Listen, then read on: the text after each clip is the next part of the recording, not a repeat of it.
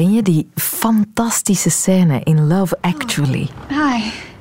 Mark belt aan bij Juliet. Hij is al jaren stiekem verliefd op haar, maar zij heeft al iemand. En met kerst wil hij haar dat eindelijk gaan vertellen. Dus hij belt aan met die stapel bordkartonnen. Als je het gezien hebt, dan herinner je je dat zeker.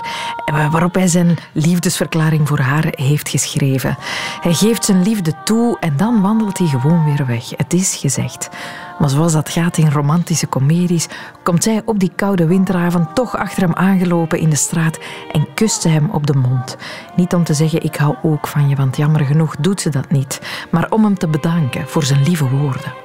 Het is een fantastisch, prachtige, romantische scène om helemaal bij weg te zwijmelen. Wat een lieve, lieve man. Maar als je er even over gaat nadenken, is die scène ook wel wat bijzonder. Of is dat personage van die Mark ook wel wat bijzonder? Want die is dus al een tijd lang verliefd, ook al toont zij geen tekenen van wederzijdse liefde.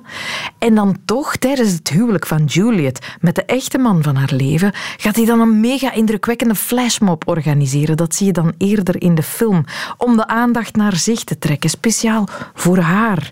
En dan is er die scène over dat feest. Hij heeft de hele avond foto's getrokken van dat huwelijk. En dan blijkt dat hij de hele avond alleen maar close-up foto's van haar gezicht heeft genomen. Als een soort geobsedeerde zot. En dan dus wacht je het ook nog eens om een pas getrouwd gelukkig koppel op kerstavond te gaan overvallen met dat soort overdreven romantisch gebaar. Als je het op die manier bekijkt, dan is die Mark eigenlijk gewoon een beetje een creep. Een stalker bijna. Voor ik verder ga, had ik al gezegd, welkom in de wereld van Sophie.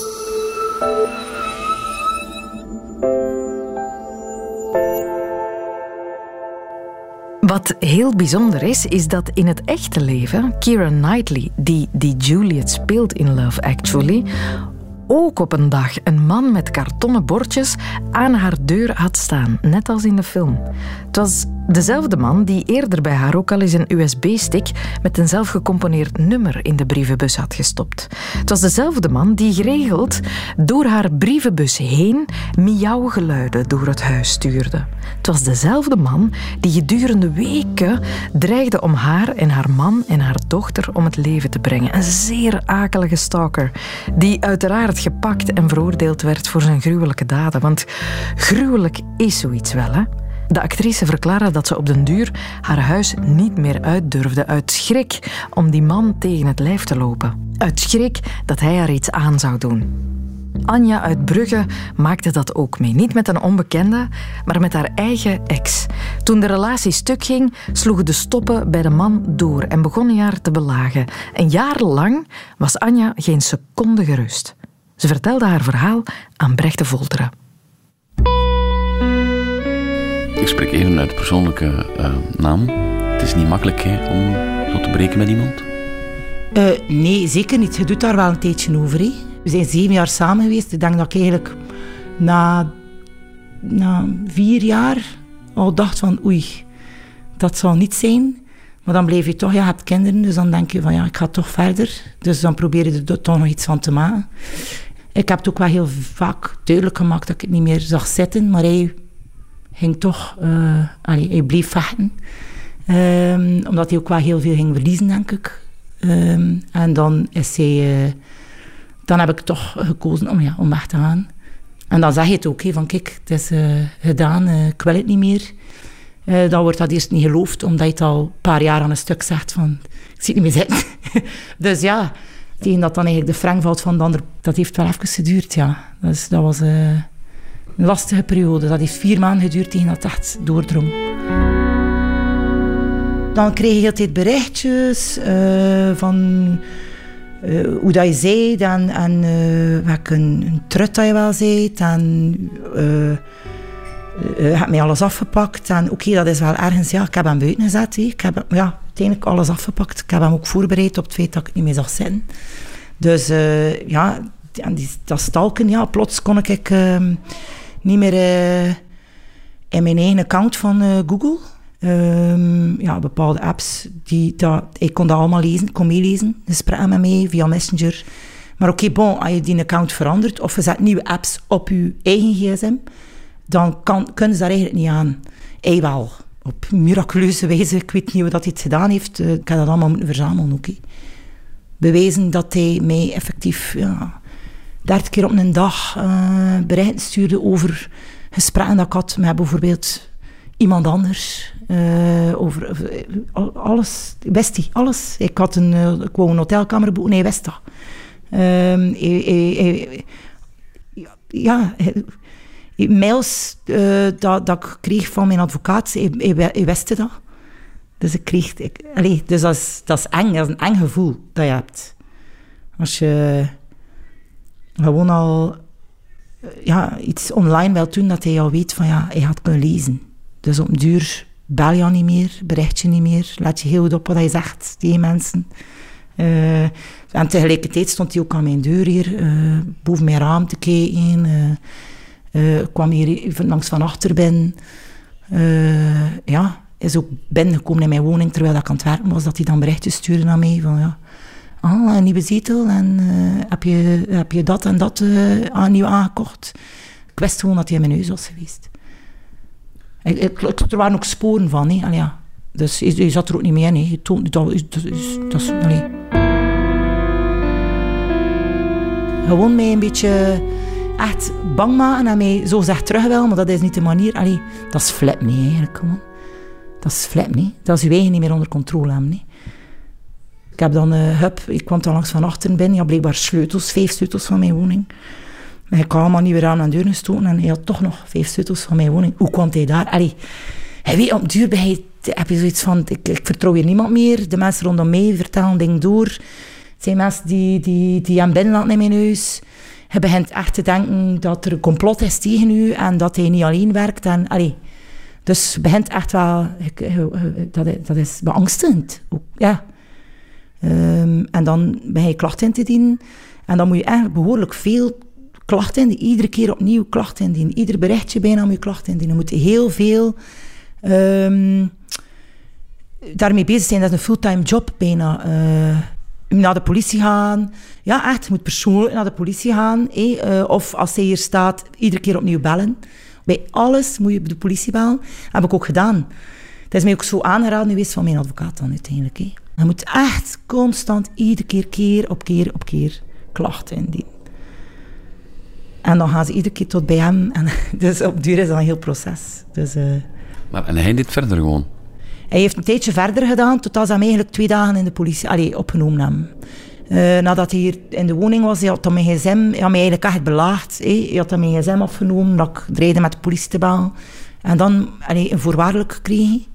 Uh, drie maanden dat hij me moest rust laten. En eigenlijk in de afwachting van dan, de, de zaak, eigenlijk, het proces. Hij heeft een jaar voorwaardelijk gekregen. Uh, en uh, een geldboete. Een grote geldboete, ja. Dat nog altijd niet gehad. maar ja, dat is ook niet belangrijk.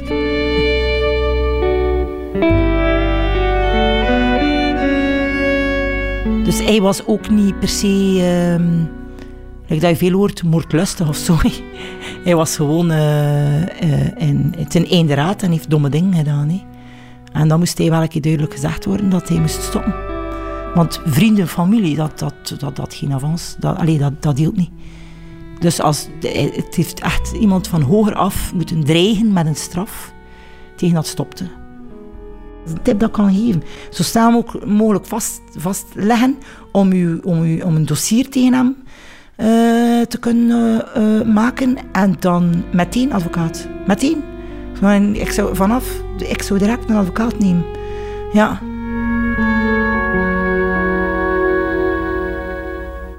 Als je als vrouw een, een, een rechtszaak wil aanspannen tegen je man, bijvoorbeeld, wordt niet gedekt, dus je moet een grote portemonnee hebben ze, om de stalker tegen te houden.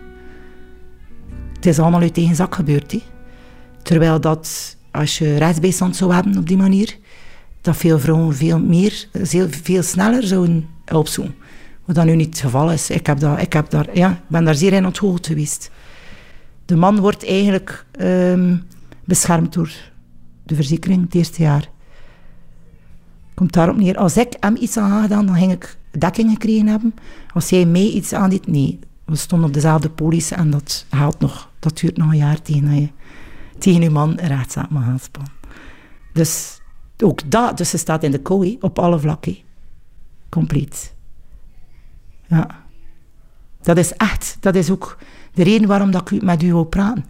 Dat ik dat ook wel zeg. Dat, dat, dat, dat rekening moet mee houden. Dat, dat ook ding, dat vrouwen echt wel inderdaad naar een, meteen een advocaat onder de moeten nemen. Meteen uh, klacht moeten indienen, dat ze geen schrik mogen hebben.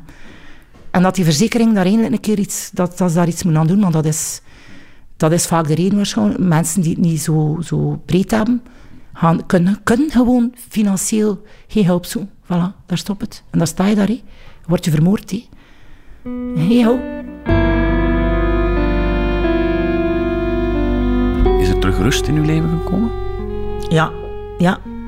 Het is wel gedaan, ja. Dus we hebben nog contact voor de kinderen. En dat gaat terug, opnieuw. Dat is eigenlijk oké. Ja. Klaar voor een nieuwe relatie? Ja. Eindelijk wel, ja. Nu wel. maar ik ga enorm op mijn hoede zien. Dat zou wel zijn dat je enorm op je hoede bent als je hebt meegemaakt wat zij heeft meegemaakt. Stalking door een ex-partner is trouwens de meest voorkomende vorm van stalking. Dat zegt Anne Groene. Zij is criminologe en een stalkingsexperte aan de UCLL. Ja, dat klopt inderdaad. Het is ongeveer zo dat bijna 70, 80 procent betrekking heeft op ex-partners. Maar vergis u niet, want we zien dat heel vaak tijdens de relatie het stolken al begint, ook al noemen we dat dan zo vaak nog niet. Ah ja? Ja, um, bijna alle situaties van stalking starten al tijdens de relatie. Maar daarnaast heb je ook kennissen, vrienden of zelfs onbekende stalkers. Dat komt zeker ook voor. Maar dus tijdens de relatie, heeft u het dan over een, een partner die overdreven controlerend zich gaat opstellen? Ja, dat klopt. Die steeds meer de controle heeft. We zien ook vaak dat dat de dominante persoon in de relatie is. En het slachtoffer heeft dat dan vaak niet door. Wanneer dan het slachtoffer de relatie beëindigt, dan slaan de stoppen door. En um, ik heb ook stalkers begeleid die eigenlijk na twee of vijf jaar zeggen van ik wil gewoon de relatie terug herstellen, omdat ik niet kan verkroppen dat hij of zij mij heeft gedumpt. Wanneer de relatie er dan terug is, dan ga ik ze verbreken en dan is voor mij de kous af. Om u maar te tonen hoe dat het in de geest van de stalker eraan toe gaat. Ja, dit type stalker wil het gewoon goed maken, maar die doet dat met een waanzinnige hardnekkigheid. Een gemiddelde stalking duurt 22 maanden. Dat is bijna twee jaar van constante terreur voor het slachtoffer. De impact daarvan op iemand is immens. Stalking wordt vaak de dood met de duizend naalden genoemd, omdat het inderdaad ook uit de interviews met slachtoffers die we deden blijkt. Ze zijn nooit meer gerust en tegenwoordig is het zo eenvoudig om camera's te plaatsen, trekkingsystemen onder auto's. Politiemensen vertellen heel vaak van dat ze dat hebben vastgesteld en het slachtoffer zich daar niet van bewust was. Dus je kan ja, eigenlijk op allerlei mogelijke manieren iemand 24 uur eh, onder controle houden. En we zijn ons daar niet van bewust, maar ook daar wijst onderzoek uit dat je dat eigenlijk moet vergelijken. Iemand die eh, bijna een jaar wordt gestolkt, dat die gevolgen even ernstig zijn dan een vliegtuigkaping, een verkrachting, dat er een eh, posttraumatische stressstoornis aan te pas komt en dat er ook heel lange herstel voor nodig is. Om te vermijden dat het uit de hand loopt, is er de tip van Anja die we daarnet hoorden. Hè? Ga zo snel mogelijk klacht indienen. Zo snel mogelijk om escalatie te vermijden. Een belangrijke tip. Ja, ik denk enerzijds dat dat wel de belangrijkste tip is, maar vooral om veiligheid te installeren. Hè.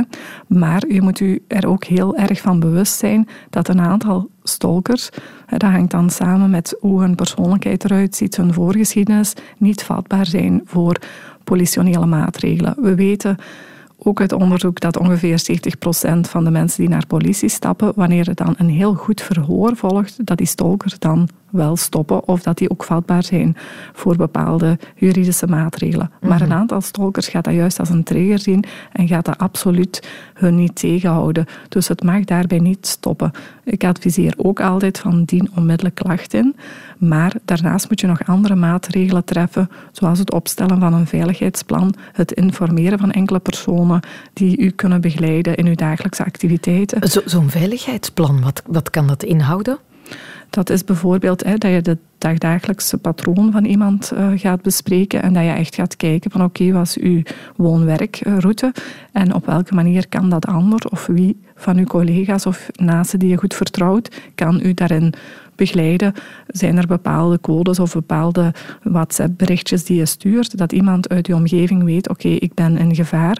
Dus um, daarin wordt dat uitgestippeld. Wat je ook al wel eens hoort, is dat men zegt van zodra er een briefje is of zo dat, dat u afgegeven wordt of in de bus vindt, alles bijhouden zodat je bewijs hebt, dat zal ook misschien belangrijk zijn. Ja, klopt. Dat wordt inderdaad ook aangeraden. Dus hou zoveel mogelijk bewijsmateriaal bij en ja, tegenwoordig zijn er ook al heel wat telefonieonderzoekmogelijkheden. Dus de politie kan ook perfect gsm's uitlezen. Ook al zijn berichten gewist of heeft de stalker zijn sporen proberen te wissen. Dat kan allemaal achterhaald worden. Maar daarin moeten we ook niet naïef zijn. Dat stalkers zijn zeer inventief uh, om altijd een stapje voor te zijn.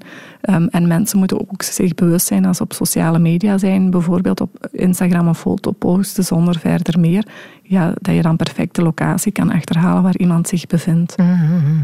Van gsm zal je allicht ook een tiental keren moeten veranderen. Daar zijn verschillende visies in, um, maar eigenlijk is het relevant om gewoon je gsm-nummer te behouden en uw gsm te behouden. Maar ik adviseer altijd om uw voicemail te wissen en gewoon hè, een neutraal op, een nummer te laten horen, zodat de stalker uw stem niet meer hoort, maar uw nummer te behouden en dan uw gsm aan de kant te leggen, zodat je zelf niet telkens angstig moet zijn of ziet dat de stalker u contacteert, maar een ander nummer uh, nemen, waarbij dat je dan met je omgeving wel nog communiceert. Op die manier verzamel je bewijsmateriaal en dan heeft de stalker ook vaak niet zo snel door dat je eigenlijk een ander nummer hebt. Ah ja, want anders gaat hij natuurlijk uh, actief op zoek naar dat andere nummer. Ja, ja. Ja, en gewoon zeggen, stop, helpt dat? Kan, helpt het als je gewoon duidelijk bent? Ja, dat is de eerste belangrijke regel van zeg heel duidelijk van ik wil geen contact niet meer met u en ik ben niet gediend met dat je mij nog lastig valt. Nu, in de context van een relatie is dat vaak moeilijk en dan zien we ook dat slachtoffers op een bepaald moment ja, daar moeite mee hebben om heel duidelijk te zijn of wanneer de stalker blijft vragen, maar ik begrijp het niet, ik wil nog eens met u praten en zo verder, dat slachtoffers toch vaak denken van oké, ik wil het nog één keer uitleggen, maar dat is geen goed idee. Vanuit de beleving van de stalker wordt dat vaak aanzien, zie je wel, zij geeft ook nog aan mij Mhm. we kunnen nog verder. En dat kunnen en willen we niet. Dus zeg stop. De maatschappelijk bewustzijn rond de stalkingsproblematiek is aan het groeien, dat merken we. Er wordt gewerkt aan stalkingsalarmen. Dat zijn knoppen die slachtoffers kunnen indrukken wanneer ze in een levensbedreigende situatie terechtkomen, die de politie onmiddellijk doet uitdrukken. Er is een voorstel om daders elektronische armbanden te geven, die een signaal geven wanneer ze te dicht bij een slachtoffer komen. En de politie krijgt steeds meer tools om tijdig stalkingsproblemen op te sporen. Maar is dat genoeg? Het is zo dat er geen effectieve behandelingsmethodieken voor stalkers bestaan, maar dat we wel ja, echt op maat een aantal trajecten met die stalkers moeten lopen. Enkel en alleen maar een alarm gaat even de situatie ontmijnen, maar gaat niet um, de resultaten op lange termijn um, opleveren die we wensen. Oké, dus een intensievere begeleiding. En ja, wie kan, wie, waar moet die oplossing gezocht worden? Ja, ik denk dat we een heel uitgebreid regulier hulpaanbod hebben, maar dat daar nog verbetering is. Het gaat bijvoorbeeld en bij zo'n stalkers, ik heb het dan echt over die extreme groep, dat er moet gekeken worden van oké, zit daar onderliggend een middelenmisbruikproblematiek bij de stalkers die bijvoorbeeld eh, geobsedeerd geraken door een onbekend iemand dan is er soms sprake van een waanstoornis. Of zijn dat mensen die niet in staat zijn om op een normale manier relaties aan te gaan, sociale vaardigheidstrainingen en zo verder. Maar wat dan altijd belangrijk is, is je kan de stalker vaak niet voor zijn verantwoordelijkheid stellen. Alle stalkers die ik gesproken heb, zeggen ook van ik heb niks verkeerd gedaan of minimaliseren de feiten. Dus je moet op het duur eigenlijk proberen te werken op het feit dat de stalker ziet van het stoppen met stolken gaat mij meer opleveren dan niet stolken. Maar dat je echt verwacht dat de stolker inziet wat zijn gedrag teweeg brengt bij de ernstige gevallen, dat is uitzonderlijk. En soms is daar ook medicatie en verdere psychiatrische begeleiding echt wel aangewezen.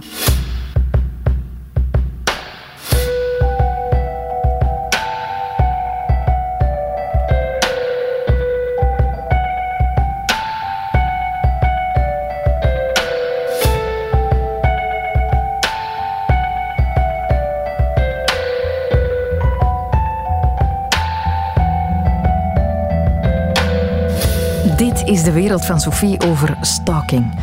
Wat me benieuwde was hoe oud het fenomeen van stalken is. Hoe lang gebeurt dit al?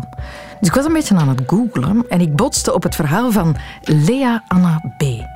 Het was een dame die op een dag een klop hoort op de deur van haar hotelkamer. Het is een beetje laat om te openen, dus wanneer ze de gang inkijkt, is de klopper al verdwenen. En plots daagde tot haar. Dit moest wel George V, de koning van Engeland geweest zijn, die haar had opgezocht om zijn liefde voor haar te verklaren. Niet dat zij hem persoonlijk kende of hij haar, maar toch, had al een tijdje het vermoeden dat hovelingen van hem, vermomd als toerist en matroos in de straten, haar subtiele signalen probeerden te geven om te laten weten dat de koning van haar hield. En nu had hij zich natuurlijk afgewezen gevoeld toen ze zijn klopje aan de deur niet onmiddellijk had beantwoord. Ze begon daarop tripjes naar Buckingham Palace te maken, nam plaats op een bankje voor het paleis en keek dan urenlang naar het imposante gebouw. Want, en dat wist ze zeker, hij gaf haar geregeld signalen vanuit wat ze dacht dat zijn vertrekken waren, door met de gordijnen te bewegen. Lea Anna B. Zij werd op die manier de patiënt van dokter Gaëtan de Clérambourg, die haar aandoening omschreef als erotomanie of het syndroom van Clérambourg. Psychotherapeut en seksuoloog Wilfried van Kraan legt dat syndroom als volgt uit. Het eigene aan erotomanie is nu net dat het een waan is. Het gaat dus om een psychose. Mhm. Mensen hebben een waanvoorstelling van de realiteit en nemen dat voor waar aan, voor realiteit aan. En daar zijn ze heel moeilijk van af te brengen. De specifieke um, waan is dat als ik de erotomaan ben en u bent als mediafiguur, want dat is wat er vaak gebeurt, mhm. ehm, mijn object van mijn liefde, dan is mijn waan dat u eigenlijk verliefd bent op mij. En dat u een grote liefde voor mij koestert. Dus we draaien de rollen om. Mhm. En ik heb het natuurlijk ook voor u. Het is wederzijds tussen ons. Maar het enige verschil tussen ons beiden is dat jij het nog niet beseft. Ah ja. Of je beseft het al, maar je durft het of je kan het niet omwille van sociale druk toegeven. Dat is wat u als erotomaan voor uzelf. Ja, dat is wat ik als erotomaan beleef. Hè. Ehm, dus mijn waan is dat uh, de ander eigenlijk ook een grote liefde voor mij koestert, maar dat helaas niet kan toegeven, ofwel aan zichzelf, omdat dat uh, hem of haar in moeilijkheden zou brengen, ofwel kan die ander dat niet toegeven um, omdat er te veel sociale druk zou zijn, of omdat het uh, het imago of het beroep zou schaden. Wow, dat is iets maar dus bijzonders. de waan in essentie is, um, ja, het is helemaal anders dan bij gewone stalking, dat de erotomaan gelooft dat de ander eigenlijk een ja, een grote liefde voor hem heeft. En dat leidt hij af uit kleine signalen. De manier waarop dat u een beweging met uw hoofd maakt, de manier waarop u een knipoogje geeft, de manier waarop u lacht, de manier waarop dat u een gebaar maakt. Um, het, het, klinkt allemaal heel absurd voor ons, de zogezegde gewone mensen. Mhm. Maar herinner u maar, als je zelf verliefd bent, dan zoek je ook op een bijna obsessionele manier naar tekens van wederkerigheid. Ja, dat is waar. En, ja, en eigenlijk doet onze erotomaan dat met een groot talent en een grote getrevenheid. Een grote toewijding, um, ja. Wel, wat mij altijd boeit is um, hoe dat we in de zogezegde pathologie, het ziek zijn, een verklaring dikwijls kunnen vinden voor het zogezegde normaal zijn. Dat is tenslotte maar een continuum. Mhm. En alles wat die erotomaan uh, beleeft, dat zijn dingen die wij ook beleven als we verliefd zijn. Het is ook een vorm van gekte, de normale verliefdheid. Hè? Je suis mm fou de toi, ik ben gek op jou, I'm crazy in love. Um, de terminologie ligt er niet om. Dus het is ook een vorm van bewustzijnsvernauwing. En het grote verschil is dat het bij iemand die, laten we maar zeggen, voor de rest uh, prima gezond is, dat die verliefdheid, die lichte waan die we allemaal dan kennen, dat die gaat liggen na een tijdje. Bij de erotomaan gaat het absoluut niet over. Deed me zo wat denken aan hoe sommige fans van supersterren soms ook helemaal in de ban kunnen zijn van hun idool. Er is zo'n televisiefragment van hysterische fans van Clouseau, ergens in de jaren negentig, denk ik. Die er heilig van overtuigd zijn dat Koen Wouters tijdens optredens hen specifiek aankijkt. Uit de hele massa heeft Koen alleen oog voor hen. Het hoeft misschien niet zo ver te gaan, maar ik herinner mij op het moment dat ik mijn boek aan het schrijven was, dat is nu wel een paar jaar geleden, dat uh, Koen Wouters op een bepaald moment dat hij thuis kwam, een dame in zijn bad aantrof, die hem al een hele tijd stalkte. Um, en ja, wanneer dat die dame beantwoordt aan die um, criteria, namelijk dat zij gelooft dat hij eigenlijk verliefd is op haar, wanneer het ze niet ontvankelijk is voor welk tegenargument dan ook, en wanneer dat ze geen empathie heeft of niet beseft wat het effect is van haar gedrag op hem, dan hebben we de kenmerken van erotomanie. Gek van liefde, zo heet dat boek van Wilfried van Kraan, waarin hij erotomanie uitgebreid beschrijft. Het syndroom van Clérambourg, waar heel wat sterren aan ten prooi vallen.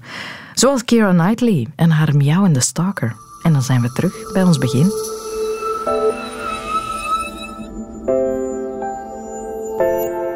Dit was de wereld van Sophie over stalking. Mocht u er ooit mee te maken krijgen, aarzel niet. Doe meteen aangifte, verzamel bewijzen en zeg ook onmiddellijk stop. De wereld van Sophie is er elke weekdag op Radio 1 tussen 10 uur en 12 uur in de voormiddag. En als je meer een podcasttype bent, wat ik vermoed, want u bent ondertussen toch al wel wat minuten naar een podcast aan het luisteren, dan kan u zich abonneren op deze podcast. Krijg je nieuwe afleveringen automatisch op je toestel. Tot gauw.